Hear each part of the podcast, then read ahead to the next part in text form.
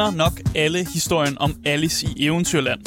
Og derfor er konceptet med en ung kvinde, som næsten tilfældigt ryger ind i et eventyrland, ikke et helt fjernt koncept. Det spil, vi skal anmelde i dag, er ikke bange for at sige, at det er en moderne genfortælling af Alice i Eventyrland. Og i det her spil, der hedder Alice dog øh, Frey, og hun har adgang til en del magi, som Alice sikkert ønskede, at hun havde. Til gengæld er, det lidt mere, er der lidt mere ondskab, der skal bekæmpes i det her spil, som i dag hedder Forspoken.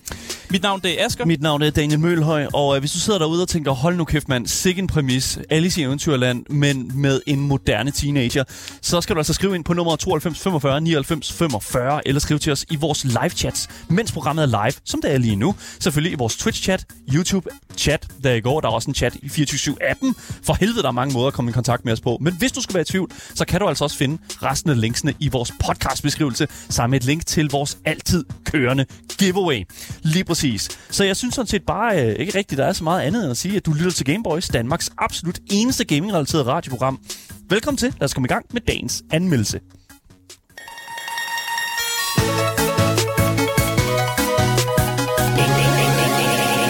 Boys.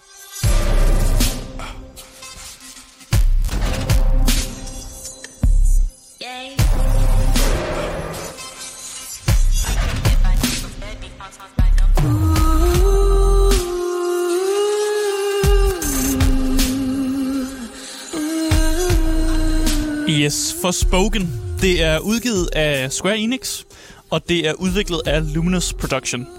Square Enix er en øh, udgiver, vi har godt kendskab med. Det er dem, der har udgivet øh, alle Final Fantasy-spillene. Og for, på sin vis også altså, kreeret en del af dem. Ja, ja, Ja. de har været med til at lave dem, og Ja. de øh, har udgivet enormt mange spil. Ja. Altså, de har et enormt øh, bagkatalog. Det, Det er, det er en AAA-udgiver og en AAA-developer, vi har med at gøre her. Ja.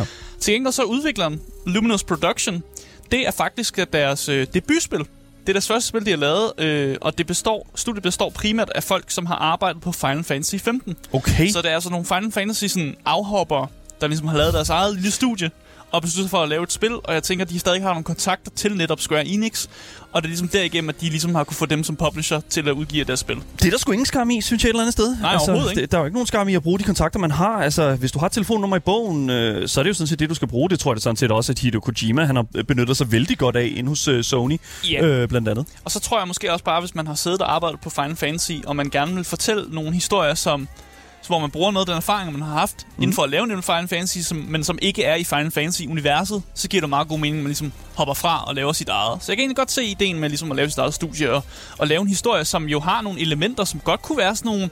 Om det her kunne godt... Det kunne godt virke, som om det var i et Final Fantasy-spil, men Ja. det er det ikke alligevel. Nej.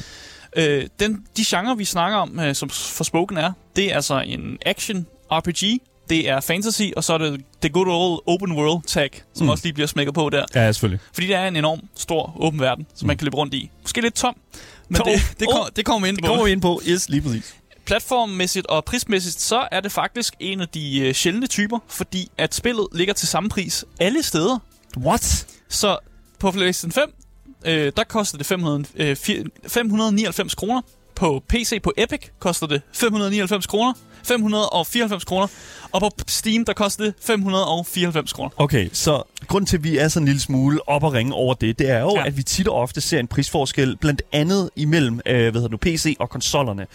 Øh, og også i, for den sags skyld imellem hvilke konsoller. Altså, jeg ved, at Xbox tit og ofte har det i hvert fald på deres øh, online shop med at gøre ting relativt dyrere, Ja. for ligesom at hive folk over på deres Game Pass-løsning. Specielt hvis spillet er på Game Pass.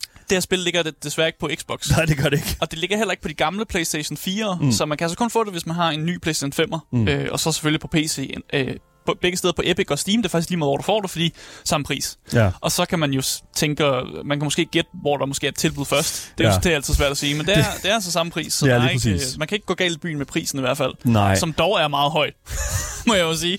Så det her det er jo et mishmash af mange forskellige ting, Asger. Men kan du ikke prøve at, at fortælle mig en lille smule? For, fordi det, for, prislaget er jo øh, en, for det første sådan typisk øh, nuværende AAA-pris. Det, ja, det er den nye AAA-pris. det er den nye AAA-pris, ikke? Ja, det er ja. den der, vi skal op på næsten 600 kroner. Ja. Det er jo det nye, mm. At det er det, spillet koster. Yes, og Øh. der er allerede folk i chatten, der skriver, hold kæft, det er dyrt. Og, Det er det også. De, og, der er skal vi vende os det. Kalle skriver her, jeg skal have, altså også have pengene tilbage øh, til at kunne betale for strømmen. Ja. Og, og det vil jeg fandme sige, det, det er sgu fair et eller andet sted, fordi det her det er næsten en halv strømregning i øjeblikket. Ja, ja, i hvert fald, du skal, hvis du skal igennem spillet. Ja. Øh, altså, jeg har brugt 24,5 time på at komme igennem det her spil. Okay? Og det er faktisk i den øvre klasse. Øh, jeg er tæt på completionist-tiden, Okay. som er 26 timer. Ja. Og jeg altså, har ikke completionistet spillet, vil jeg sige. Mm. Øh, jeg har bare brugt ret meget tid på at lege rundt. Ja, ja, det er jo det. Og det, sådan, nu står der også inde på øh, ved den her side her, How Long To Beat, Ja. øh, der står der for Spoken tager et sted imellem, hvis der er main og sides, sådan, hvis man laver lidt af det hele, Mm. 19,5 time. Og jeg er stadig lidt over den, fordi at, øh, Ja. jeg, kan, jeg kan bare godt lide at, at klare random side Du er en side mission Jeg er en boy. side mission boy, jeg kan godt lide det. Øh, og alligevel kommer jeg ikke igennem dem alle sammen med spillet, Nej. faktisk. Du er faktisk tættere på sådan completionist-tiden, der er Ja. på den her side her, end, øh, end, end noget af det andet. Sådan. Det er faktisk ret imponerende, synes jeg. Men så ved man også, at man får en god anmeldelse, når må jeg har brugt så meget, mange timer i Du spillet. du har fandme været, været in it to win it, må jeg sige. Ja, ja, ja, det har jeg. Og jeg gjorde det også færdig. Jeg gjorde det også færdig. Ja. Men øh, lad os komme ind på, hvad går det ud på? Ja. I øh, Forspoken, der følger vi Frey, Mm. som lever et øh, ensomt og småkriminelt liv Uh. i New York. Okay. Hun er forældreløs. Det får vi at vide rigtig meget i løbet af spillet. She's an orphan. Ja. Og øh, den eneste rigtig sådan, ven, hun har, det er hendes kat, som hedder Homer. Det er et rigtig godt navn til en kat forresten. Mm. Øh, og udover at Frey er i problemer med loven, så er hun også i problemer med sådan en lokal bande, som sådan afpresser hende til at begå kriminalitet. Og da hun ligesom nægter at begå mere kriminalitet, så brænder de hendes lejlighed af. Det, det, er gruppe, det gør gruppepres, du. Ja, og, Gruppepres. og de gør Ja. egentlig Frey hjemløs, fordi hun har ikke noget hjem, det er jo brændt ned. Uha, okay. Øh, og Frey er næsten ved at give op øh, på det hele, da hun ligesom finder det her magiske armbånd, som teleporterer hende ind i en ukendt verden. Okay. Og i den her ukendte verden, der har Frey øh, nogle magiske kræfter. Ja. Og de her magiske kræfter, de er ret gode, øh, når der er de her apokalyptiske monstre, øh, som findes i den her verden. Okay. Altså, der render en masse monstre rundt. Det er ret godt at have noget magi mod dem. Mm. Øh, og den her verden den hedder Athia. Athea. Okay. Og, og den er midt i en apokalypse. Okay. Hvilken type apocalypse? Nu har vi jo snakket om apokalypser her på programmet et par gange, Asger. Ja, det er den apokalypse, hvor ondskaben breder sig. Og there it is. Det er fa- okay. fantasy-apokalypsen. Den, den typiske sådan fantasy apocalypse. Øh, den, den gode omgang, jeg har det rigtig skidt, øh, spreder sig. Lige præcis. Ja, Ja, det er ja. sådan, det er Lord of the Rings-agtig apokalypsen med ondskaben breder sig og vil gerne overtage verden og sådan Ja, ting der, ikke? ja, ja, ja. Og den fucker lidt med folks Det- det, hjerner Det er, sådan også det, der. det er også typisk det, vi sådan ser i, i MMO'er, sådan, sådan World of Warcraft eller Ja, ja. New World, hvor også bare sådan, øh, hvad hedder det nu, sådan, den, den, den gode sådan SARS, den, øh, den spreder sig, ikke? Altså sådan, det, det, det, der, sådan, det der mørke, sådan øh, smårødlige, lilla øh, sådan, øh, energi. Ja, ja There- præcis. Ja, den, it is. Du, du fik den. den, The den big evil. Ja, de bruger også meget mørke lilla. Fucking Det er jo corruption. Sonic ja. Frontiers. Altså, det er virkelig... I'm sorry to say, det er en af de mindre inspirerede sådan øh, apokalypser, tror jeg. Ja, det er bare nemt at forstå for spilleren på en Ja, eller yeah, anden men det er måde, også sådan en lille smule... I'm sorry, men det, det er sådan... Det er ikke et godt sell for mig, synes jeg. Nej, Nej, det er det ikke. Og det-. Der, der foregår også nogle flere ting end det. Ja. Det er bare sådan de store helheder, og det er jo fordi, jeg ikke vil sidde og spoil alt for meget historien, at jeg netop siger, at det, det er ondskaben. Der er jo Mm. selvfølgelig noget bag ondskaben og alt det der, og sådan, Ja. og grund til, hvorfor den er der og sådan noget der. Mm. Det kommer vi desværre ikke ind på. Jeg prøver at gøre anmeldelsen så spoiler-free som overhovedet muligt. Det er en meget god idé. Selvom jeg allerede kan nu sige, at det ikke er et spil, jeg anbefaler det her. Nej, nej, Så- okay. Jamen, th- there it is. Så bare lige for at, for at vinde det allerede der. Altså, jeg har set nogle steder, og der bliver også skrevet i vores Twitch-chat her, fra en, der hedder Nati. Han øh, skriver, at, øh, at, at spillet vidderligt er en scam, øh, og vi er faldet i med begge ben, fordi vi har købt det her spil her. Øh, det, er et billigt, det burde være et billigt 15 euro spil, og det koster altså øh, 80 euro. Det koster ikke 80 euro, men det koster i hvert fald meget dyrt. Ja, jeg Ja. føler mig en lille smule skammet Er du også. skammet, Asger? Er du blevet skamet? Altså, jeg kan godt se, jeg kan jo godt mærke, når jeg spiller spillet, og Mm. når jeg har været igennem det, at det, jeg kan godt mærke, at det her er AAA-spil, og ja. det, det er også, der er sådan en vis kvalitet bag det, når det er AAA. Men jeg føler mig, jeg føler mig en lille smule snydt, faktisk. Okay. Og jeg føler ikke, at man skal give, øh, give de her 594 kroner, som spillet koster. I, I hvert fald ikke overhovedet. Nej. Så det synes jeg simpelthen ikke, det er det værd. Oh. Øh, og jeg vil faktisk sige, at spillet... Øh, jeg har siddet og kigget på sådan comparisons øh, videoer og sådan noget der, og det bliver compared meget til sådan øh, grafikken i Assassin's Creed Unity, oh, hvor den grafik i Unity er bedre ja. end det her spil. Og det er et spil fra 2014. Mm. Og når jeg kigger på det, så er jeg sådan, ja, det her spil, det havde nok klaret sig bedre i 2014 end i nutiden. Okay. Øh, men det er simpelthen, det var en anden tid for helvede. Ja. Og det, det, det, sådan kan man jo ikke øh, holde tingene op og sige, om det har klaret sig godt i før i tiden. Okay. Ja, okay, men øh, nu står vi altså og skriver vi 2023, og jeg synes ikke, at det her spil klarer sig særlig godt. I hvert fald i min, øh, min mening. Så åbenbart koster det 80 euro på Steam lige i øjeblikket. Det må jeg sgu nok sige. Ja. Hold da kæft, mand. Det må jeg fandme nok sige. Det er, Det fandme, det er fandme dyrt. Det er fandme... Ja. Det vil jeg næsten våge påstå, det er imponerende, at man, øh, man tror, at folk gider spille det. Okay, cool. Jamen, uh, fuck, hvor crazy, mand. Uh, jeg synes sådan set, at vi skal gå, uh, gå ind i det, Asger. Jeg ved Ja, ikke, om du, bare, vi skal om der er så meget mere Alice i Eventyrland, men det er ikke Eventyrland. Og, altså, Og det er det et eventyrland på en måde. well, kinda. Jeg vil sige, 100%, altså, når jeg hører præmissen, så er det sådan lidt sådan, hvorfor i alverden spiller du ikke bare Kingdom Hearts? Det er jo stadig Square Enix. Altså ja, Kingdom, men, men Kingdom Hearts er jo mere sådan, det er jo, Det- det er jo det- lidt mere lejende. Well, det ved jeg da snart, ikke? Jo, der er sådan, jo, jo, det er, Sephiroth er stadig med, er med. ja, og men det er sådan- karakteren er mere lejende. Sådan, i, Sephiroth! I det her spil, der banner de jo meget, skal du huske. Åh, oh, okay, okay. Ja, De okay. siger fuck rigtig Åh, meget. oh, det kan jeg godt lide. Det, Asger, ja, Ja, du kender mig. Ja, Jeg er en det gør de jo kæmpe, ikke i Kingdom Hearts, jeg er jo. en kæmpe fuck Jeg connoisseur. vil fandme gerne høre Goofy sige, fuck a road. motherfucker. Anyways, lad os, lad, lad os lade være med at få den helt derud. Ja, det synes jeg Øh, ikke. Lad os, lad os komme videre. Asger, lad os komme ind i noget gameplay til uh, Forspoken. Skal vi gøre det? Ja. Let's go.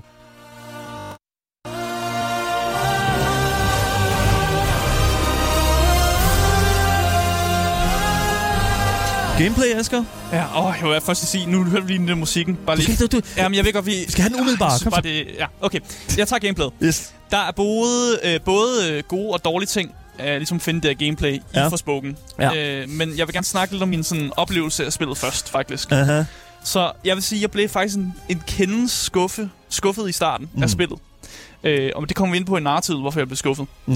Øh, men jeg vil også sige, at jeg havde det sjovt i sådan 6-8 timer Okay. af sådan min gennemspilning. Så de første sådan 6-8 timer, der, sad, der havde jeg faktisk en good time. Og det var faktisk, det er sjovt, fordi jeg kunne godt mærke, det er sjovt, fordi jeg har sådan prøvet at udspørge dig en lille smule, imens at du sådan har spillet det her spil her. Ja. Så om, ah, hvor er du henne nu, og hvad gør du nu? Altså, først så var det, øh, hvorfor ble, er det ikke det, jeg blev lovet? Så sagde du, ah, det, er faktisk, det er faktisk okay, jeg har det faktisk meget sjovt. Ja. Øh, det fortjener ikke alt det rod, det har fået. Og nu sidder du faktisk og siger, jeg vil overhovedet ikke anbefale det.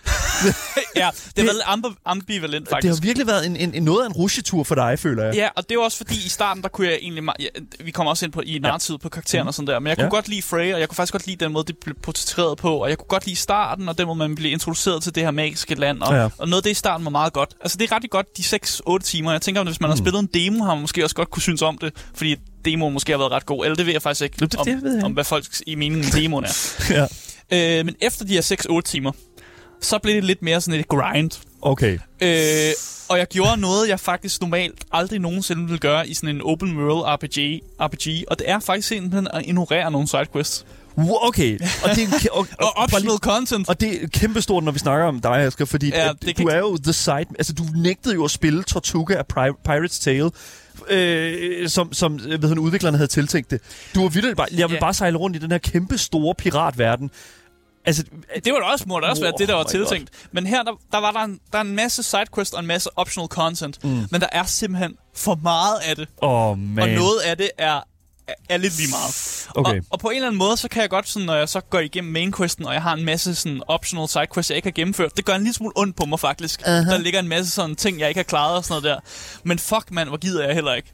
Altså det var efter de her 6-8 timer, så gad jeg, jeg gad ikke mere sidequest. Nej. Nu beeliner jeg bare main storyen og Åh, bliver færdig med det og man. sådan noget der. Ja. Fordi det var virkelig sådan, noget af det er lidt lige meget, og mange sidequests er sådan noget med, at det eneste du får af reward, det er sådan et, her er et stykke lore. Okay, oh. så får jeg lige sådan en fire linjers tekst om, hvad den her øh, mærkelige landsby et eller andet sted engang var, da der engang boede mennesker i den og sådan noget der. Okay. Det er bare sådan pisse lige meget. Det er fucking sad, det der. Men den her verden, der hedder Athia, det store problem med den, det er, at det, den, er, den er meget stor. Det er Ja. meget fedt. Ja. Vi kan godt lide store open worlds. Ja. Det er fint nok. Men den er en smule tom. Mm. Og jeg tror, at man har gjort den lidt tom, for at få øh, sådan hurtig løb til at føles federe. Ah. Fordi en af de ting, som Frey kan, når hun har de her magiske kræfter, det er, at hun kan ligesom være ligesom Sonic på en Godt at go fast, ikke? Ja, hun ja. kan løbe virkelig hurtigt, og Ja. hun har nogle magiske kræfter, som gør, at hun løber bare virkelig hurtigt. Mm. Og så sker det ligesom mening, at man laver verden større, så det føles lidt federe, når man løber. Sure langt, thing. når man løber hurtigt og sådan noget her. Sure. Problemet er bare, at jeg føler, at der var noget problem med sådan nogle afstand mellem de, de, de forskellige ting. Det er lidt mærkeligt. For eksempel så kan man øh, stå et eller andet sted, og man kan se en bygning langt ja. væk og være sådan et, det er en fed bygning. Ja. Den ser nice ud. Jeg vil gerne over til den fede bygning der. Og det er jo det som et eller andet sted, når du har med en åben verden at gøre, ja. Og specielt når du er nede i det perspektiv, altså det er det samme med Skyrim. Hvis du ser et eller andet fucking vanvittigt bjerg, you wanna go there, og du kan gå derhen. Ja. Og der er noget der, eller whatever, ikke? Altså sådan, den, den, den, Elden Ring er også et genialt eksempel på en god åben verden, der gør netop det. Præcis. Ja. Men jeg vil gerne opleve et eller andet på vej over til bygningen. Nej, nej, nej, det kan du ikke, Asger. Eller sådan, jeg vil, der må gerne ske nogle ting. For mig var det mest sådan, okay, jeg vil gerne over til den bygning, Ja. ja. og så løber jeg over, og man løber lige sådan, man kigger lige på uret, og sådan, om der er gået fem minutter, hvor jeg Okay, bare lige har ja. løbet lidt, Okay, og der ja, ja. sker ikke så meget her, Ja. og uh, ja, nu løber jeg videre. Ja, ja okay, der er, uh, der er nogle blomster der, og måske Ja. der er nogle fjender derovre, det gider Mm. jeg ikke rigtigt, jeg løber bare videre. Ja. Og så til sidst er jeg med bygningen, og man var sådan lidt, det var sgu ikke den fedeste rejse. Var det en rejse? Var det en journey? Nej, det var det nemlig ikke. Nej. Jeg vil gerne have, at der sker noget fra A til B. Eller Men- sådan. Og det er jo det, som jeg også synes, der er så fedt. Oh my god, vi kan ikke lade være. Jeg kan, når vi snakker åbne verdener, altså så har Elden Ring bare sat en standard. Og der er det der med, sådan, hvis det er sådan, du ser noget, eller endda hvis det er sådan, at du har en, en, en retning i Elden Ring, Mm. så ved du, at du kommer til at lave for det første 15 stop på vejen, fordi at der er øh, spændende fjender, eller der er, du Ja. ser en grotte, eller der er, hvad hedder det nu, er nogen, der taler til dig, eller et eller andet.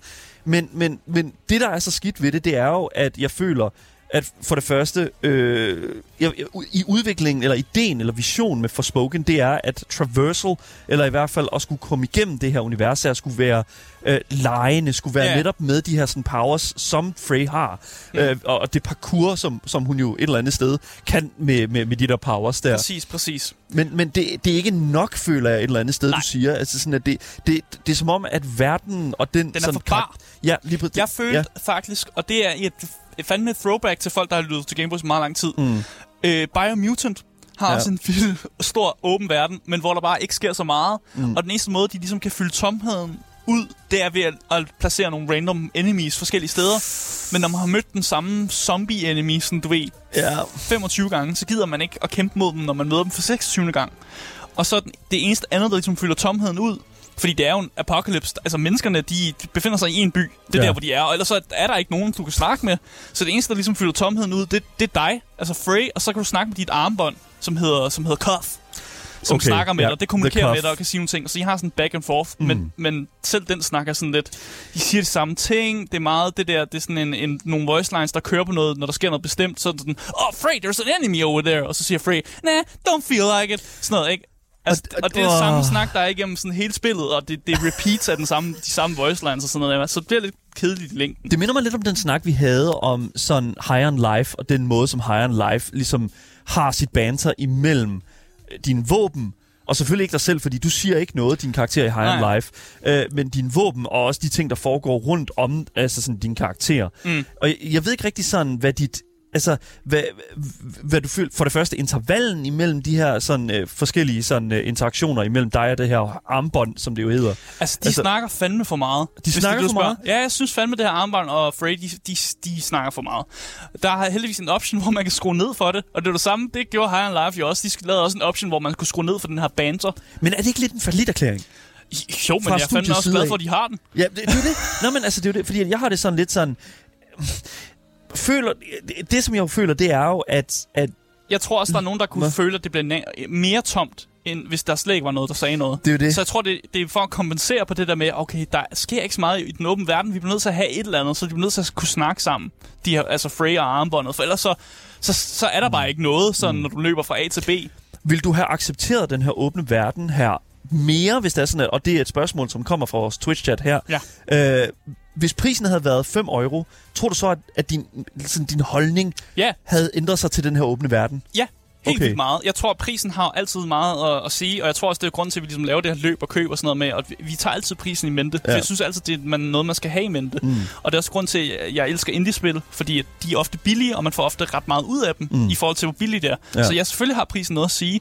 Og hvis, hvis det her spil kun kostede sådan 5 euro, eller sådan, at jeg kunne kø- købe det til 150 kroner, så ville jeg nok have været lidt mere fornøjet.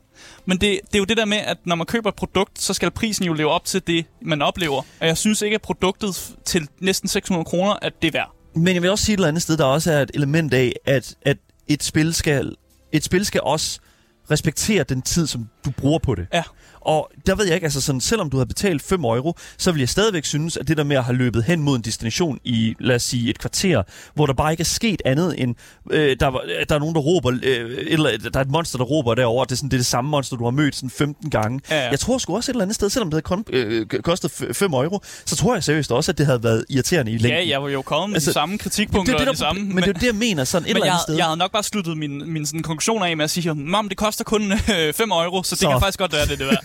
Altså alligevel, man har jo brugt 24, eller 25 eller 26 timer på at Ja. komme igennem de her ting her. Så altså, hvis det var 5 euro i stedet for 80 euro, så vil jeg også sige sådan, alright, fair nok, det er sgu også en, altså, det er en det er en, det, du har betalt lidt for, for, for, du har betalt meget lidt for, at ligesom, for den tid, du har brugt på det. Ja. Og det, det giver jo meget god mening et eller andet sted. Men bare lige for at vende tilbage til spillet, Ja. og ikke snakke for meget om, om pris igen. Ja, jeg vil dog sige 80, 80 euro. Ret vigtigt at tale om prisen, men ja, go det, for it. Jamen, det er det. Vi, ja, vi har vendt det. Parkour. Parkour. Spillet sælger sig, Hardcore parkour. Ja, spillet øh, sælger sig selv som, at der er noget parkour. Og øh, parkour i starten af spillet, igen, de første 6-8 timer, var mega fed. Mm. Man følte sig mega nice. Mm. Men, øh, men når man kommer længere i spillet, og så man kommer ind i det, så opdager man tit, at man faktisk er i situationer, hvor man faktisk ikke kan komme steder hen med den parkour, man har. Okay. Og det er jo måske, fordi man mangler en skill, man først får senere hen i spillet. Og så er det jo der, hvor spillet ligesom prøver at fortælle om, du, du skal jo komme tilbage til det her område senere, fordi så kan det være, at du unlocker en skill, der gør, at du kan komme op på den her høje klippe. Ja. Problemet er bare, at der er ikke rigtig noget, som fortæller mig, at det er det, jeg skal. Altså, mm. jeg kunne godt bare... Det er super nemt at lave sådan en lille pop-up, der bare siger, come back when you have this skill, eller come back later uh, when you have acquired this. Men det ved man ikke. Så man, går, man bruger måske tiden på at, ligesom, at løbe hele vejen over til et sted, hvor man finder ud af, hov, der kunne jeg alligevel ikke gøre noget. Mm. Og så løber man hele vejen tilbage. Og det er bare sådan lidt irriterende at sp- spille min tid, faktisk. Ja. Så er der også det der med, at man nogle gange så... Altså, hun er lidt svær at kontrollere nogle gange, Ja. når man løber hurtigt og sådan noget der. Jeg ved ikke, om, om, det, om folk, der spiller Sonic, har det på lignende måde, og man er også måske lidt svær at kontrollere. Men når hun løber så hurtigt der, så er der bare nemt at lave. Kom lige til at, du ved, at lave en lille justering på din, øh, på din controller stick, og så løber hun jo bare i en, en anden retning. Hun kommer til at måske til at falde ud over klippen. Man, faktisk- laver, ja. man mistimer et ja. hop, eller man løber skævt, eller sådan nogle ting der, som bare er pisseirriterende. Det er faktisk et problem, jeg har, har oplevet før i From Software-spil. At når du queuer et dodge op eller et eller andet, sådan den stil der, altså så har det sådan et ær til, så er det ikke altid, at man sådan helt, altså sådan, selv er i kontrol over den her karakter. Ja. Og, og, og i, Altså, også i jeg Marvel følte, jeg mistede Spider-Man. kontrollen en lille smule. Marvel Spider-Man har også en lille smule af det. Altså, det er virkelig fucking bare... Øh, en lille, det er virkelig ærgerligt, når der er sådan, at, at, at movement bare ikke er så tight, som, som man jo et eller andet sted havde ønsket, det skulle være. Ja, Ja. og så er der også det der med, når man starter et løb med Frey, fordi de har nogle animationer til løbet og sådan noget der, så er hun ikke rigtig til at stoppe igen. Så nu, der er nogle tidspunkter, hvor man måske Oh, gerne lige no. vil stoppe op for at tage, eh, tage en item og sådan noget med, hun, men hun fortsætter med at løbe rundt, Ja. ja. og så ender man jo med at lave sådan nogle små cirkler, for ligesom at få hende til at, få til at stoppe med Ja. hendes løb. Ja. Og det bare sådan lidt irriterende, at, det, at, det, at man ikke rigtig kan stoppe hende i det her løb. Mm. Øh, og det burde man måske have lavet en eller anden form for bare en, en, en knap, jeg kunne trykke på for at stoppe løb. Ja. Kunne have været meget nice. Jeg så en øh, YouTube-video her for øh, nogle dage siden, og jeg tror også, jeg viste dig, dig den, Asger, af øh, streameren Asmongold, som, øh, som spillede Forspoken. Ja. Og han støtter altså ind i et problem øh, øh, relativt øh, ofte, så det ud som om, hvor at der stod, at Frey simpelthen var løbet for langt væk fra der, hvor hun skulle være, og så kommer der ligesom sådan en prompt op, der siger, du er for langt væk, nu bliver du lige sendt tilbage igen. Ja. Er det noget, du er stødt ind i? Aldrig. Aldrig? Og jeg forstår det faktisk ikke, for jeg, løber, jeg har også løbet alle mulige mærkelige steder hen. Okay, Og jeg tror simpelthen, at han må være løbet fuldstændig ud af mappet. okay. Uh, eller så har han bare slet ikke kigget på sit kort over, hvor han er, eller sådan noget der. For jeg synes, det er rimelig nemt at, du ved, blive i, på mappet. Okay. Eller sådan noget der. Jeg oplevede aldrig at løbe for langt væk eller noget. Ja, fordi jeg vil jo sige, hvis du har et spil, som reklamerer sig selv som et open world-spil, så er det jo ret meget imod det, og hvad kan man sige, øh, det, hele den sådan vision, at fortælle spilleren, ved du hvad, du er simpelthen et helt forkert sted. Ja, men det oplevede jeg ikke. Det må så, jeg simpelthen så sige. jeg må faktisk sige, jeg kan faktisk ikke udtale mig om det. og Jeg synes, det, der, er ikke, der er ikke et problem, Nej, som jeg ser det i men hvert du fald. så, hvor meget den, den poppede op for Asmongold, Jamen, ikke? er, jeg tror legit bare, han er en idiot.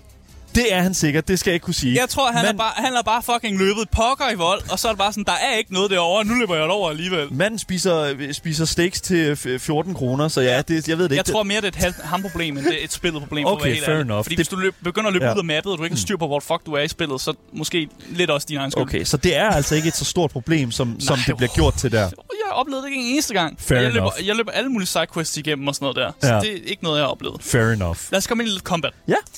Det har kæmpe potentiale, faktisk. Ja. Og nu siger jeg potentiale. Men der mangler, der mangler et eller andet. Og sådan som sådan, magien fungerer i det her spil, så har man en øh, angrebsmagi, Mhm. man har en support-magi, og så har man sådan en ultimate magi. Ja. Og man kan sådan blande sin support og sin angrebsmagi, så man får nogle, nogle komboer, der egentlig passer meget til ens måde at spille på, og som også passer til den fjende, man er imod. Så man kan ligesom skifte rundt, alt afhængig af hvilken fjende du er imod, eller mm. hvad du nu synes mest om som spiller. Ja. Og det her, det er faktisk, det, det kan jeg godt lide. Det synes jeg, det er godt. Der kan jeg vælge nogle ting, som, som passer til sådan Asger er. Han kan godt lide at kaste med nogle store sten. Ja. Jeg tager nogle kaste store sten magier og sådan nogle ting der. Classic. Og, og så synes jeg også, at der var det her... Øh, jeg sad jo med en øh, PlayStation 5'er, så jeg sad jo med en PlayStation 5 controller, og der er det her haptic feedback, mm. som er rimelig nice, når man skyder med de her sten. Fordi når man laver sådan en lille tryk på den, så laver man sådan nogle små sten, og når man så holder den inde, så kan man queue op sådan en kæmpe sten og kaste med. Åh, oh, shit, okay. Så der er faktisk haptic feedback virker ret godt.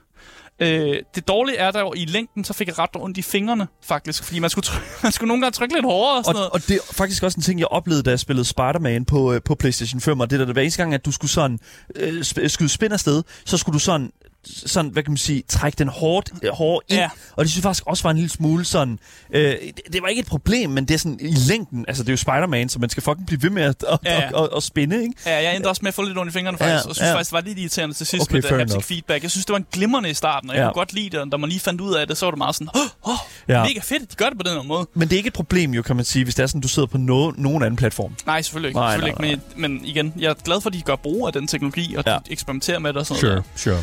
Man har også et, sådan et, øh, et skill tree, og det er jo lidt RPG-agtigt, at Det man har det. Øh, det er virkelig simpelt, og det er let at navigere i. Og det elsker jeg, når mine skill trees er.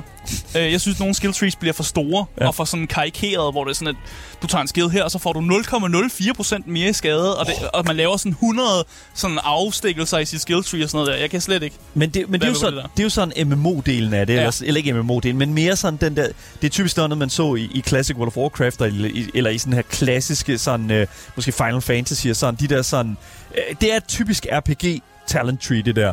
Ja. Men, men det lyder det som om, at, det, det, at, de, at de er gået lidt den simplere vej her, og måske fokuserer lidt mere på de her abilities. Ja, Ja. ja. det kan, jeg kan bare godt lide det. Ja, det er okay. meget det der, der, er- der er hver sådan magi skill tree har sådan kun tre abilities. Ja. Ja. Så kan man vælge, hvad man vil investere i, og så er der nogle support magier, og, og de er også meget nemmere sådan at navigere i, og man tager egentlig bare den, man synes lyder fedest, og så ja. investerer man, man ligesom mana i den, for det er deres, den måde, man investerer i magi i det her spil. Og jeg kan egentlig godt lide det. Øh, jeg kan også godt lide det der med, at øh, når man så besejrer nogle store bosser i spillet, så stjæler man deres magi. Øh, jeg vil ikke fortælle meget om, hvad for nogle bosser det er, men man, man besejrer nogle bosser, og man stjæler deres magi. Oh my god. Og så får man adgang til nye skill trees. Ja, okay. Så, okay, fair enough. Fordi netop hvis det, Okay, det, oh my god, det er ligesom i Elden Ring. Fuck, alting er Elden Ring. Alting er Elden Ring nu. Okay, hold op. Nej, men, nej, nej, men altså, det er jo et eller andet sted, Jeg synes, det er en fed... Det meste af grund til, sådan, det er jo sådan boss weapons i, øh, hvad hedder det nu, Elden Ring eller Dark Souls eller den slags. Det, jeg kan godt lide det as- aspekt af, hvor der er sådan, at du ligesom... Når, og det, for den sags skyld også World of Warcraft, hvis du stjæler noget fra en fjende. Mm. så får du, altså du bliver stærkere af det. Det synes jeg et eller andet sted er en virkelig, virkelig fed sådan magtdynamik, fordi at du et eller andet, det, altså det er sådan, det er utroligt sådan, man føler en stor succes ud af det, Ja, og som spiller. jeg kan også godt lide det der Ja. med, at du har lige slåsset mod damen, der bruger rigtig meget vandmagi, Ja. og nu lærer du, øh, nu lærer du hendes vandmagier, Get War. efter du ligesom har, har absorberet hendes energi. Ja. Øh, jeg vil så sige, at en af de ting, som ikke, jeg ikke er så glad for, det er det der med, at den sidste boss, man ligesom klarer, eller den sidste sådan, magi, man unlocker, mm. der når man at have hendes magi i, ja, hvad skal jeg sige, 45 minutter, så slut spillet. What? Så der er virkelig sådan, de, den sidste magi, man ligesom lærer, den når man ikke at have så lang tid, og så slutter spillet lidt bare. Og det synes jeg lidt var sådan wasted potential, at man, sådan, at man får den, de magier så sent ind i spillet. Og jeg synes også, der er en lang der er en lang del af spillet, hvor man kun har startmagien. Ja. Altså man kun har det, man starter med. Og der render man rundt i rigtig lang tid med kun at kunne det. Og så lige pludselig så begynder man at få en masse magier, og så slutter spillet. Mm. så er det sådan lidt, nå, nå okay. Ja, altså det, det, er jo, det er jo et eller andet sted for ligesom at, altså... øh, det er jo et eller andet sted for ligesom at give sådan spilleren sådan en eller anden form for, alright, du skal gøre de her ting her for at blive magtfuld. Problemet mm. er bare, og det er også noget, som man har set meget tidligere sådan, øh, versioner af spillet, at, eller hvad kan man sige, tidligere versioner af spil, simpelthen at man, man simpelthen har, har holdt de her sådan godlike power. Jeg tror, godt- de, nogle af de første God of War-spil mm. gjorde også meget sådan, at du fik sådan de mega, mega power. Også Doom for den, den skyld. Ja. Gav dig det der fucking omega svært til sidst i spi- spillet også, Ja, ikke? Altså, det er også bare sådan en ting sådan, the, de gemmer simpelthen det, det bedste til sidst. Men det er sådan lidt sådan antiklimaks, fordi så slå, stopper spillet jo bare. Ja, præcis. Og, Fucking ærgerligt. og de har lavet fjenderne sådan, at mange fjenderne de har forskellige sådan resistances, mm. og sådan noget, de er svage overfor. Og i starten har man kun en magi, så hvis du møder et monster, hvis du kommer til at, at, at, at støde ind i et- sted, hvor der er et kæmpestort øh, miniboss-monster, Ja. som er resistant over for den ene magi, du har, så er det en meget lang kamp, du skal i gang med. Ja. Og du kan godt vinde kampen, men det tager fandme lang tid. Øh, og det er noget, hvor jeg, jeg bliver lidt irriteret over det. Og Okay. jeg bliver meget sådan... Der er en del af mig, der bliver meget grådig. Og man vil gerne lige fyre nogle ekstra attacks ind på monsteret, fordi man er sådan, åh, fuck man, nu jeg man smadre monsteret. Og så ender man faktisk med, at monster så får nogle hits ind på en, og man føler sig egentlig bare lidt dum. Ja. Fordi man kunne sagtens undvige dem, men man er bare sådan lidt, jeg vil bare hellere få nogle flere skud ind på den, fordi Ja. jeg gør intet skade på dens, dens health bar overhovedet. Men det er jo sådan et spørgsmål om risk-reward, ikke? Altså Ja, sådan, det er rigtigt, men ja. jeg synes bare, det er også der er dumt, at spillet putter nogle, nogle sådan, de her minibosser, for eksempel i starten af spillet, dem putter de ind, og så er de resistance over for den eneste magi, jeg kan. Og det er bare sådan, hvorfor er du, plac- hvorfor er du placeret der, miniboss, hvor du er resistant over for den magi, jeg har? Sådan, Ja. det, det, er jo sådan en, om du skal komme tilbage senere for at kæmpe mod bossen, men man er sådan lidt, "Ah, jeg kan, godt, jeg kan godt besejre den her, så man bliver alligevel ved med at kæmpe mod den, og man er sådan lidt, "Ah, jeg kan godt, og man bliver Men det- helt grådig, ja. det, det, er, det er dårligt for mit mental health, tror jeg, seriøst, de placerer de her minibosser, hvor de gør dem. Men Resistances er jo også lavet for ligesom at skabe en, øh, en, en, en vis sådan, altså okay, nu har du, Du skal ikke kørt bruge et den sikkert, samme magi, Ja, ja, nu har du kørt et sikkert build igennem hele spillet. Nu er, er vi nødt til at lige presse dig ud i, i, i et mere sådan diverst, øh, hvad hedder det nu, et stykke gameplay. Jeg vil sige, at jeg synes faktisk, at det er en lille smule nederen. Det er også en ting, der sker i andre spil. For, Ja, ja. Nu ved jeg godt, jeg har snakket meget om Elden Ring, men altså sådan, Moog, øh, som er en boss i Elden Ring, er jo sådan, øh, hvad hedder nu, ham kan du ikke få til at bleed. Du kan ikke give bleed damage på ham. Mm. Og det er jo for fucking fedt, når hele dit build bare er bleed-orienteret. Ja. Og det er jo sådan, men et eller andet sted, det presser jo en ud i sådan, hey, prøv at høre her, det her det er en kæmpe stor verden af forskellige typer af våben, også forskellige typer af playstyles. Mm. Er det noget, som du føler, at, at, at Forspoken så er god til at presse spilleren ud i her? Ja, det synes jeg faktisk. Okay, Okay. Jeg var ret glad for, at man skulle investere lidt mere bredt i forskellige skills og magi og sådan noget der, så man rent faktisk lærer sådan, "Nå, okay, det, det her, det er, øh, den flyver, den skal bruge noget magi for, at jeg kan give skade på den. Ja. Og her har vi noget, som er lavet af sten. Det er nok ikke så godt, at jeg så bruger sten mod stenting. Mm. Så jeg kan godt lide, at det presser en til at ligesom vælge nogle andre ting, og man, man, man får noget mere dynamik i sin combat. Ja. Fordi meget noget af magien er sådan noget, øh, det røde magi, bare lige for at give det et rigtig dårligt navn. Red Magic, yes. Det røde magi er meget close combat magi, Okay, ja. hvor det blå magi, det er meget range, range magi, så det kan man bruge på afstand. Så Ja. der er også nogle tidspunkter, hvor man skal meget tæt på nogle fjender, og nogle tidspunkter, hvor du skal meget langt væk fra nogle fjender, for at ligesom give mest i skader for at være mest effektiv. Og det kan jeg egentlig godt lide, at spillet en presser en til, at man ikke kun er den ene ting. Mm. Og det er jeg måske faktisk en lille smule glad for, fordi jeg tror bare, jeg havde valgt at bare pommel ting med noget close combat magi, hvis jeg havde Klassisk chancen for det. Asger move. Men jeg lærte ligesom om, jeg, jeg er faktisk også okay til at være long range og til at bruge noget andet form for magi, så jeg, Ja. jeg lærte faktisk en ny playstyle, at, at spillet ligesom tvang mig til at gøre de her ting. Selvfølgelig. Og igen, man kan godt angribe fjenden med, med det, man har mest lyst til. De har bare resistances, det tager bare ekstra tid, Mm. og det gider man ikke, Nej. man, man gerne vil videre i spillet. Makes a lot of sense. Ja. Lad os snakke om dodge mechanics også. Do- okay, dodge mechanics. Ja. Ja. selvfølgelig. Jeg kan faktisk godt lide, at spillet faktisk tager en lille smule chance i forhold til de her dodge mechanics. Okay. Fordi mange klassiske RPG'er, de har det der med, at du har et, øh, et rull. Du kan trykke på en knap, så laver du roll eller sådan noget her.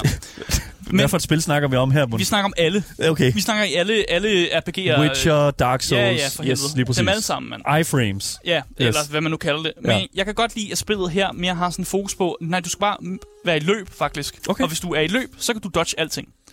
Og det giver nogle, nogle spændende dynamikker i kampen, Just like faktisk. Sonic.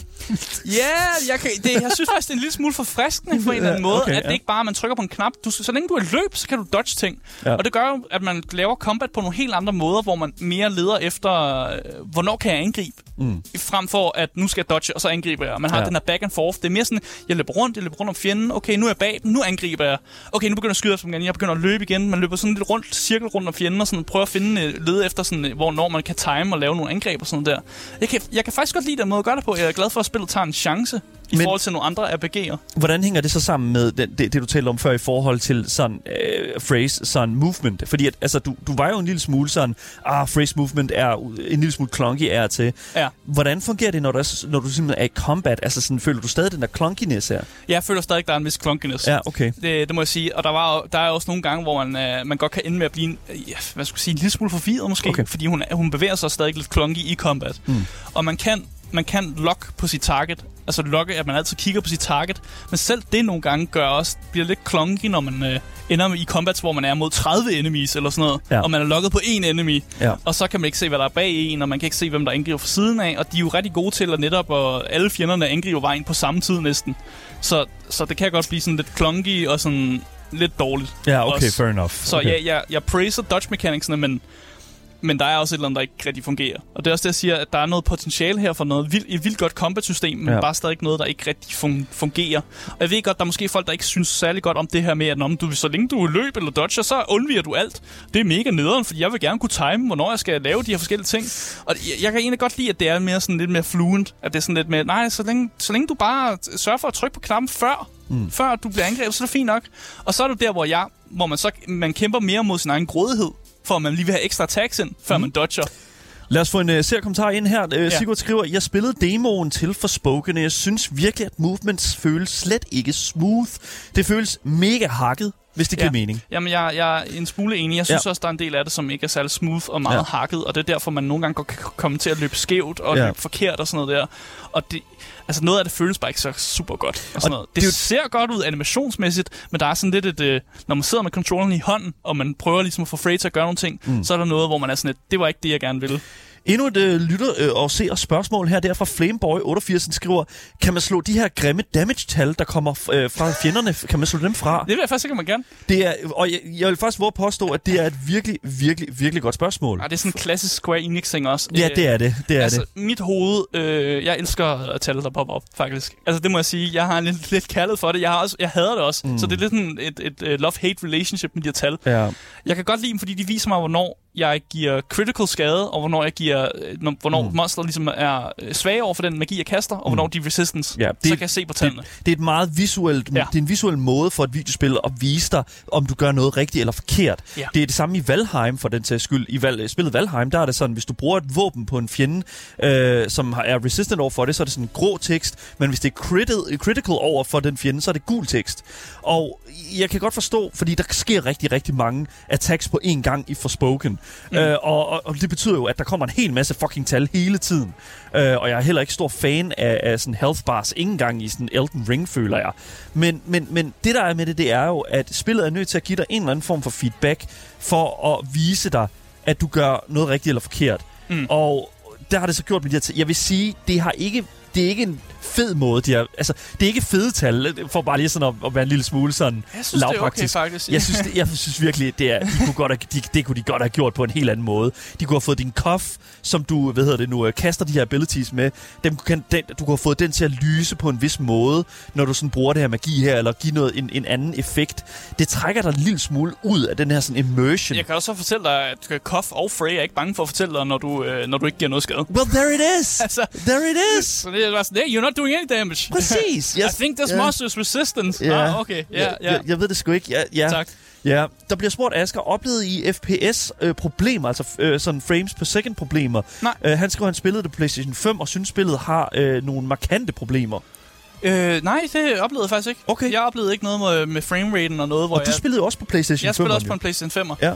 Øh, så nej, det, det kan jeg ikke udtale mig om, Nej, okay. det oplevede jeg simpelthen ikke. Nej. Det, er jeg er ked af, at jeg ikke oplever jeres problemer.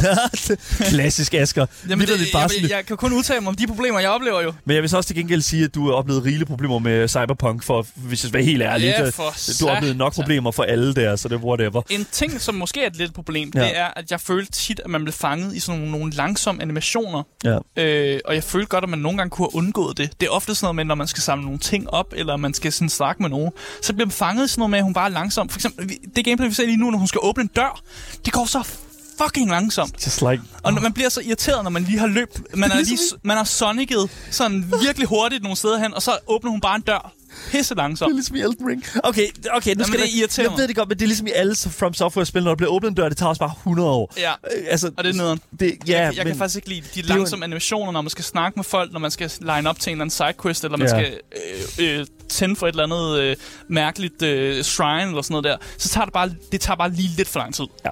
Og det, det er lidt irriterende, når der er så mange sidequests, og man skal gøre de der ting hele tiden, og det bare det bare bliver- ved med at tage så lang tid. Okay. Så der er en lille sådan en, en, øh, en pet peeve der. En pet peeve, ja. Ja.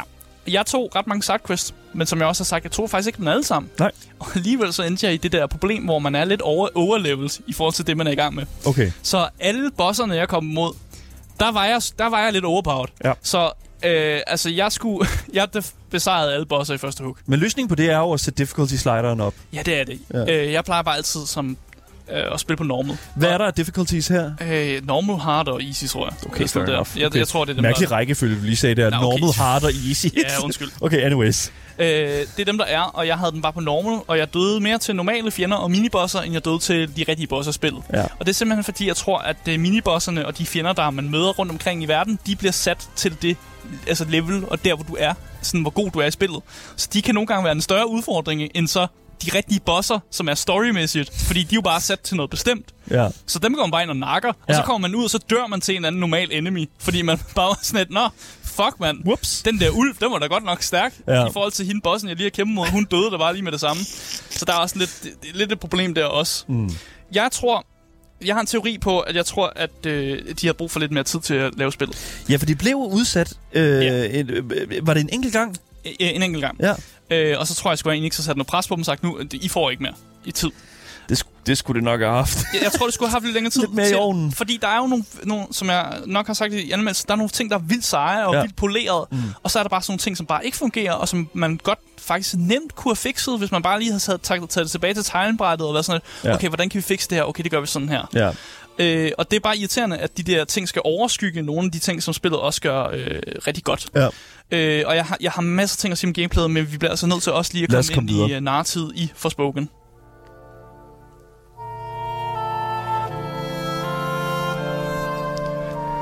So there it is. Nu kommer min største skuffelse, okay? Oh, let's go.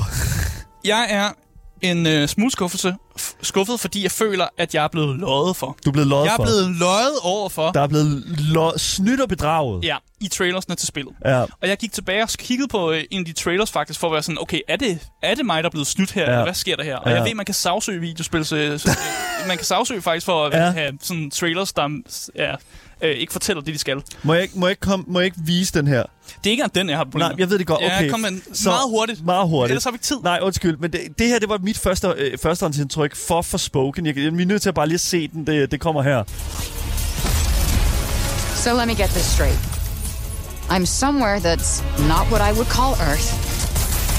I'm seeing freaking dragons, and oh yeah, I'm talking to a cop. Okay, that is something I do now. I do magic, kill jacked up beasts. I'll probably fly next. I'm Ja. sorry, men altså det, det, det var mit største problem med det her spil her. Og det, her, det er jo sådan, hvad kan man sige, præmissen for hele sådan stemningen i det her spil, føler jeg. Ja, øh, jeg har ikke lyst til at kommentere så meget på det, for vi, Nej. vi skal videre, for Jeg ellers så når vi det simpelthen ikke. Det er i orden. Jeg havde en idé om, at øh, Frey, hun var selvmordstroet, og at hun, øh, i, i, i hvert fald ifølge traileren, så hopper hun ud fra en bygning, Ja. og på den måde, så bliver hun ligesom teleporteret ind i den her nye verden, midt i sit fald. Det var okay. sådan, traileren blev solgt for mig. Jeg har set traileren igen. Oh ja, yeah, det er rigtigt. Men det er jo overhovedet ikke tilfældet i spillet. Det er faktisk ikke det, der sker. What? Øh, det er ikke det, der sker. Øh, hun sidder på den bygning, og hun overvejer lidt, om hun skal hoppe. Og så rejser hun sig bare op og sådan lidt, nej, nej, det er faktisk ikke. Jeg er faktisk ikke selvmordstroet. What? Så finder hun armbåndet, og så bliver hun teleporteret ind i verden. Øh, og det ødelægger helt vildt mange fortællermæssige ting, for mig i hvert fald. Og jeg troede faktisk, at det var et spil, som vil fokusere meget på sådan mental helbred. Eller i hvert fald det der med en fortælling om en person, som jo faktisk har taget springet. Altså decideret har, har valgt, nu begår jeg selvmord. Ja. Men så alligevel kommer ind i en magisk verden, og kommer til at overkomme mange af de her mentale problemer, som hun egentlig har. Øh, og ligesom overkommer de i det her magiske land og sådan noget der. Det kunne være en vildt god, fed historie at fortælle. Det kunne være en vildt god, fængende historie. Ja. Meget relevant for rigtig mange mennesker. Ja, præcis. Og sikkert inspirerende for mange og sådan noget der også. Og, og, og, og der er ligesom er håb selv, når man er sådan på sit yderste og sådan nogle ting der. Mm. Men det er bare ikke den historie, som spillet fortæller. Men Asger, Budley skriver over i vores Twitch-chat, hvad skal man med mentalt helbred, når man kan nakke freaking dragons? Ja, og det, det, ja, det, det ødelægger mig lidt, for der er, flere, der er flere steder i spillet, hvor der faktisk bliver hentet mod sådan en fortælling. Øh, og det, men det falder jo bare sammen med, at det netop ikke er den fortælling, der er i spillet. Mm. Og min teori, det er faktisk, at Luminous Production gerne vil fortælle sådan en historie, men at Square Enix måske meget sent i udviklings... They did not have the ja, balls. i udviklingsfasen har sagt til dem, øh, vi skal også sælge det her spil til børn, skal også sælge det til børn. så kan I ikke lige, alt det kan I ikke lige cutte det fra. Børn vil, ikke slå, børn vil ikke høre om at slå, slå sig selv ihjel. Ja, og det, og det er bare sådan, kan I ikke lige tage selvmordshalvåret ud af spillet? Kids can't be depressed. Og der er flere steder, hvor man har sådan, hvor der er sådan, hvor man hopper ned i nogle sådan pools, hvor hun er sådan submerged i water, hvor der også er sådan noget, der er sådan nogle ting, der hindrer lidt til sådan noget, noget ah, hun er selvmordstruet og sådan Ja. noget der. Men spillet nævner det slet ikke, og går slet ikke ind i det, fordi det var de jo nok nødt til at fjerne, fordi at Square Enix nok gerne vil have det. Og det, det, det, det er min teori, at det er det, der er sket. Og vi bliver jo konstant mindet om, også i løbet af spillet, at det her det er en Alice i Eventyrland øh, historie. Ja. Men Freya er jo bestemt ikke øh, Alex, øh, Alice overhovedet. Hun er lidt en røv over for alle. Ja. Og jeg husker ikke, at Alice var en røv over for alle, hun mødte, da hun var i Eventyrland. Nå, hun er meget venlig. Det er sådan, som jeg husker det i hvert fald. Ja, og jeg synes faktisk, Freya var en mild cool karakter i starten. Der var sådan lidt, åh, New Yorker, og sådan, hun er lidt rapkæftet, men mm. på sådan lidt sjov måde. Du Hun er jo også kriminel, kan man sige. Ja, nej, Ja. hun gør det mest af nød. og Okay, sådan okay. der- Nej, ja, det er fair nok. Ja, men hun er bare ikke særlig sådan sjov, når hun så kommer længere ind i spillet, og der er decideret af folk, der er sådan men mine forældre er lige døde, og hun er bare sådan, ja, fuck dig, jeg skal hjem til New York. Og man var sådan, Frey, hvad fanden foregår der? Har du lidt medfølelse af helvede til, fordi for, for nogle dage siden, der var du ved at begå selvmord. Nå, nej, ikke alligevel. Det er rigtigt, det var du faktisk ikke. Øh, men altså, du er slet ikke sød over for dem, du er sammen med. Øh, Og på en eller anden måde, så får man bare et billede af en egoistisk person, som Ja. kun har sig selv for øje. Og, og selvom hun har nogle kræfter, som gør, at hun kan hjælpe mennesker, og hun er på et sted, hvor, hvor at hun kan alle mulige ting, så vælger hun alligevel at være sådan, nej, jeg skal egentlig bare hjem til New York. Fuck ja, jeg gider ikke at hjælpe jer overhovedet. Ja.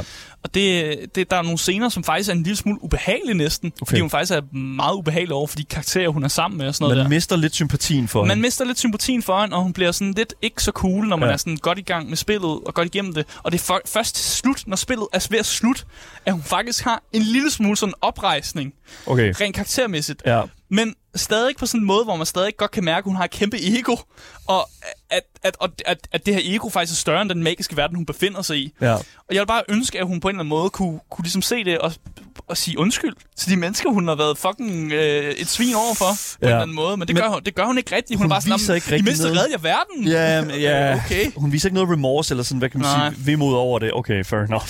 Og så er der også nogle altså, fortællermæssige sådan, twists i historien, som bare er øh, ikke særlig gode. Nej, okay. vil jeg sige. Todimensionelt. Øh, ikke todimensionelt. Det er svært at komme ind på uden at spoil, Ja, jeg vil faktisk ikke heller gøre det. Der er Nej. bare nogle dårlige twists. Og Ja, hvis man okay. spiller spillet, så ved man måske, hvad jeg snakker om. Okay.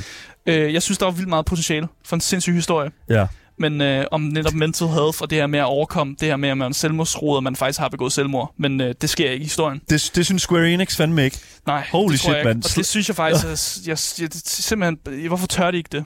God damn. Det synes jeg er synd. Og det er præcis det, fordi det, det er jo et af de der sådan, aspekter i vores tid lige nu, hvor at, altså, det her spil her kunne, som du siger, Asger, have givet ja. Væsentligt mere sådan, medvind til en masse mennesker om at holde, altså, holde øje med deres eget mentale helbred. Præcis, også Ja. fordi det er jo en moderne person, der rører ind i et fantasyland. Det er jo en person, som tilhører vores samfund i dag, og det er jo de problemer, som en person, en ung person i, i det her samfund måske har. Så giver mening, at de så overkommer det i, i et fantasyland. Godt nok med sådan nogle, hvor man godt kan lave sådan nogle analogier og lave nogle hints mod noget andet og sådan noget der. Mm.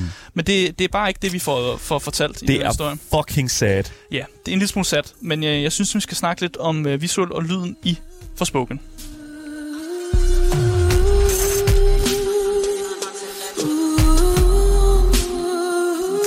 Skal vi snakke lidt om lyden først, faktisk? Det, altså, Bare lige for... det er en øh, af de ting, jeg føler, jeg har hørt i dag, som, som altså, har mest potentiale til sig. Har Ja, så, ja, hvad synes Ja. du om soundtracket, faktisk? Jeg synes faktisk, nu har vi kunne hørt det her, sådan, øh, det her øh, theme her, og jeg synes faktisk, at der er, et, der er en god blanding af sådan den her urban New Yorker, øh, hvad hedder nu, personlighed, den her sådan, det her, det her sådan bylandskab, men hvor der stadigvæk er det her sådan episke, sådan det, nu har vi det her kor her for eksempel, men også den her strygerkvartet, Ja. som også kommer ind over, som giver det sådan en, en væsentlig mere sådan cinematisk sådan feel til sig. Det er et godt blend, og Ja. jeg synes faktisk, at det, at det er en lille smule sådan, how dare it go so, so hard. Ja, Jamen, Ja. jeg tænkte nok, du kunne lide det, Ja. fordi det er lavet af selveste Bear McCreary. There it Yes!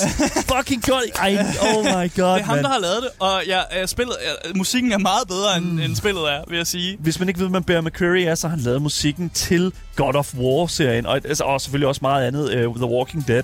Han er en virkelig, virkelig dygtig komposer, og det her musik her, det kan man sagtens høre, at det simpelthen Ja. er vel udtænkt. Ja, det, jeg synes også, det er pissegodt. Mm. Øh, men lad os det visuelle. Ja. Det, øh, jeg synes ikke, det er godt nok, faktisk. nej, Der er okay. nogen, der siger, at spillet er flot. Ja.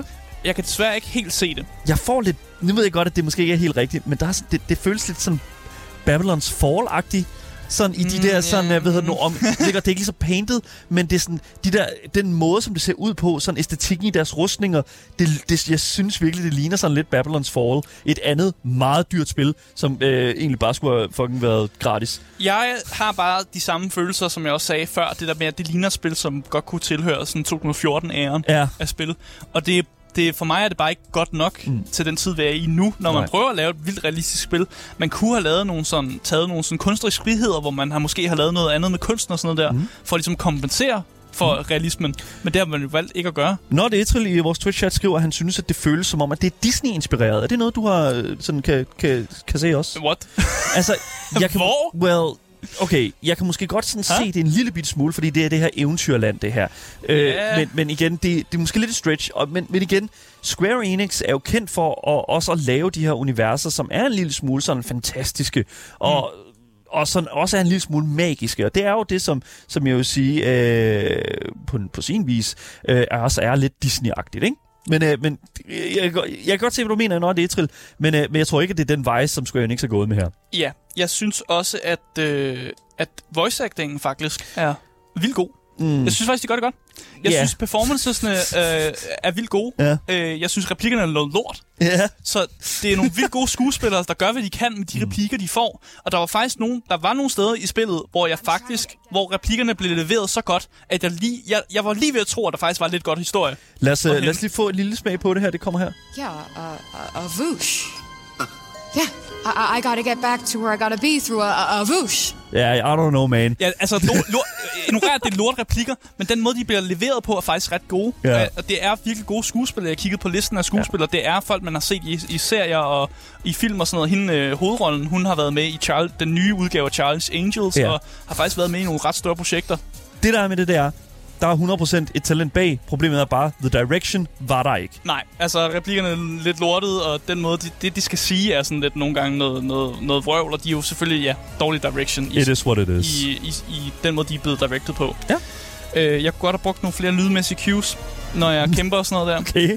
Det har jeg bare Missy ikke fået. Cues. Ja, Du har fået mange replikker mellem Coffin og Frey. ja, men jeg har ikke fået noget, som om, når en enemy angriber mig, kunne den ikke lige brøle lidt, så jeg ved, jeg skal undvige. Sådan Okay, der. there it is. Det kunne jeg godt bruge. Der er ikke sådan, hvad kan man sige, den viser ikke så godt, de her angreb her, den Nej, det viser det telegrapher det ikke. visuelt, Ja. men den viser det ikke lydmæssigt. Ja. Og det har jeg bare brug for i et spil.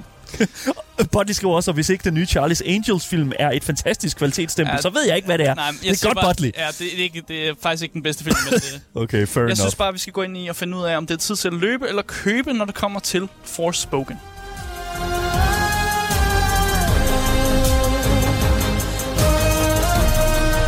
Jeg synes, at øh, Forspoken havde vildt meget potentiale til at være et godt spil. Ja. Men de gode ting, de bliver desværre bare overskygget af nogle af de ting, som spillet ikke gør særlig godt. Okay. Og den største akilleshæl, det er jo historien og en protagonist, man faktisk bliver en smule irriteret på. Kampsystemet, det var helt klart et hø- højdepunkt for mig, men der er stadig nogle ting, der kunne gøres en lille smule bedre. Og til en pris på 594 kroner, og med mine 24 timers gameplay, så kan jeg da roligt sige, at I skal løbe, og I skal spare pengene, og bruge det på strøm Brug det på strømmen i stedet til for. nogle andre spil. God damn. Og det er simpelthen bare min konklusion. Det er Holy bare, shit. bare lad være med at købe. Lad være med at fucking at Der købe er det her. andre spil. Det er endnu et fucking Babylon's Fall. They tried to... They, hvis du har købt det her spil her, så er du blevet finest. I'm sorry. en lille smule, Du har finest dig selv, og det, det, Ja. det er bare, hvad det er. Ja. Fucking get, get, for, uh, I don't know.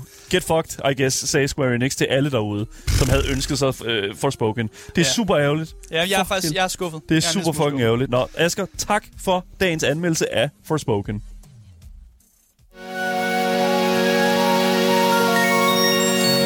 Det var alt, hvad vi havde på programmet for i dag. Tusind tak, fordi I har lyttet med. Husk at følge podcasten. Hvis ikke du allerede har gjort det, så misser du aldrig nogensinde en anmeldelse eller et interview nogensinde igen. Hvis du vil i kontakt med os, så kan du altså finde links til at gøre netop det i vores podcastbeskrivelse sammen med et link til vores altid kørende giveaway. Mit navn er Daniel Mølhøj, og med mig i studiet har jeg haft dagens anmelder, Asger Bukke. Yes, yes. Vi er tilbage igen i morgen med meget mere gaming og meget mere Gameboys til jer top tier gamers. Vi ses alle sammen. Hej hej.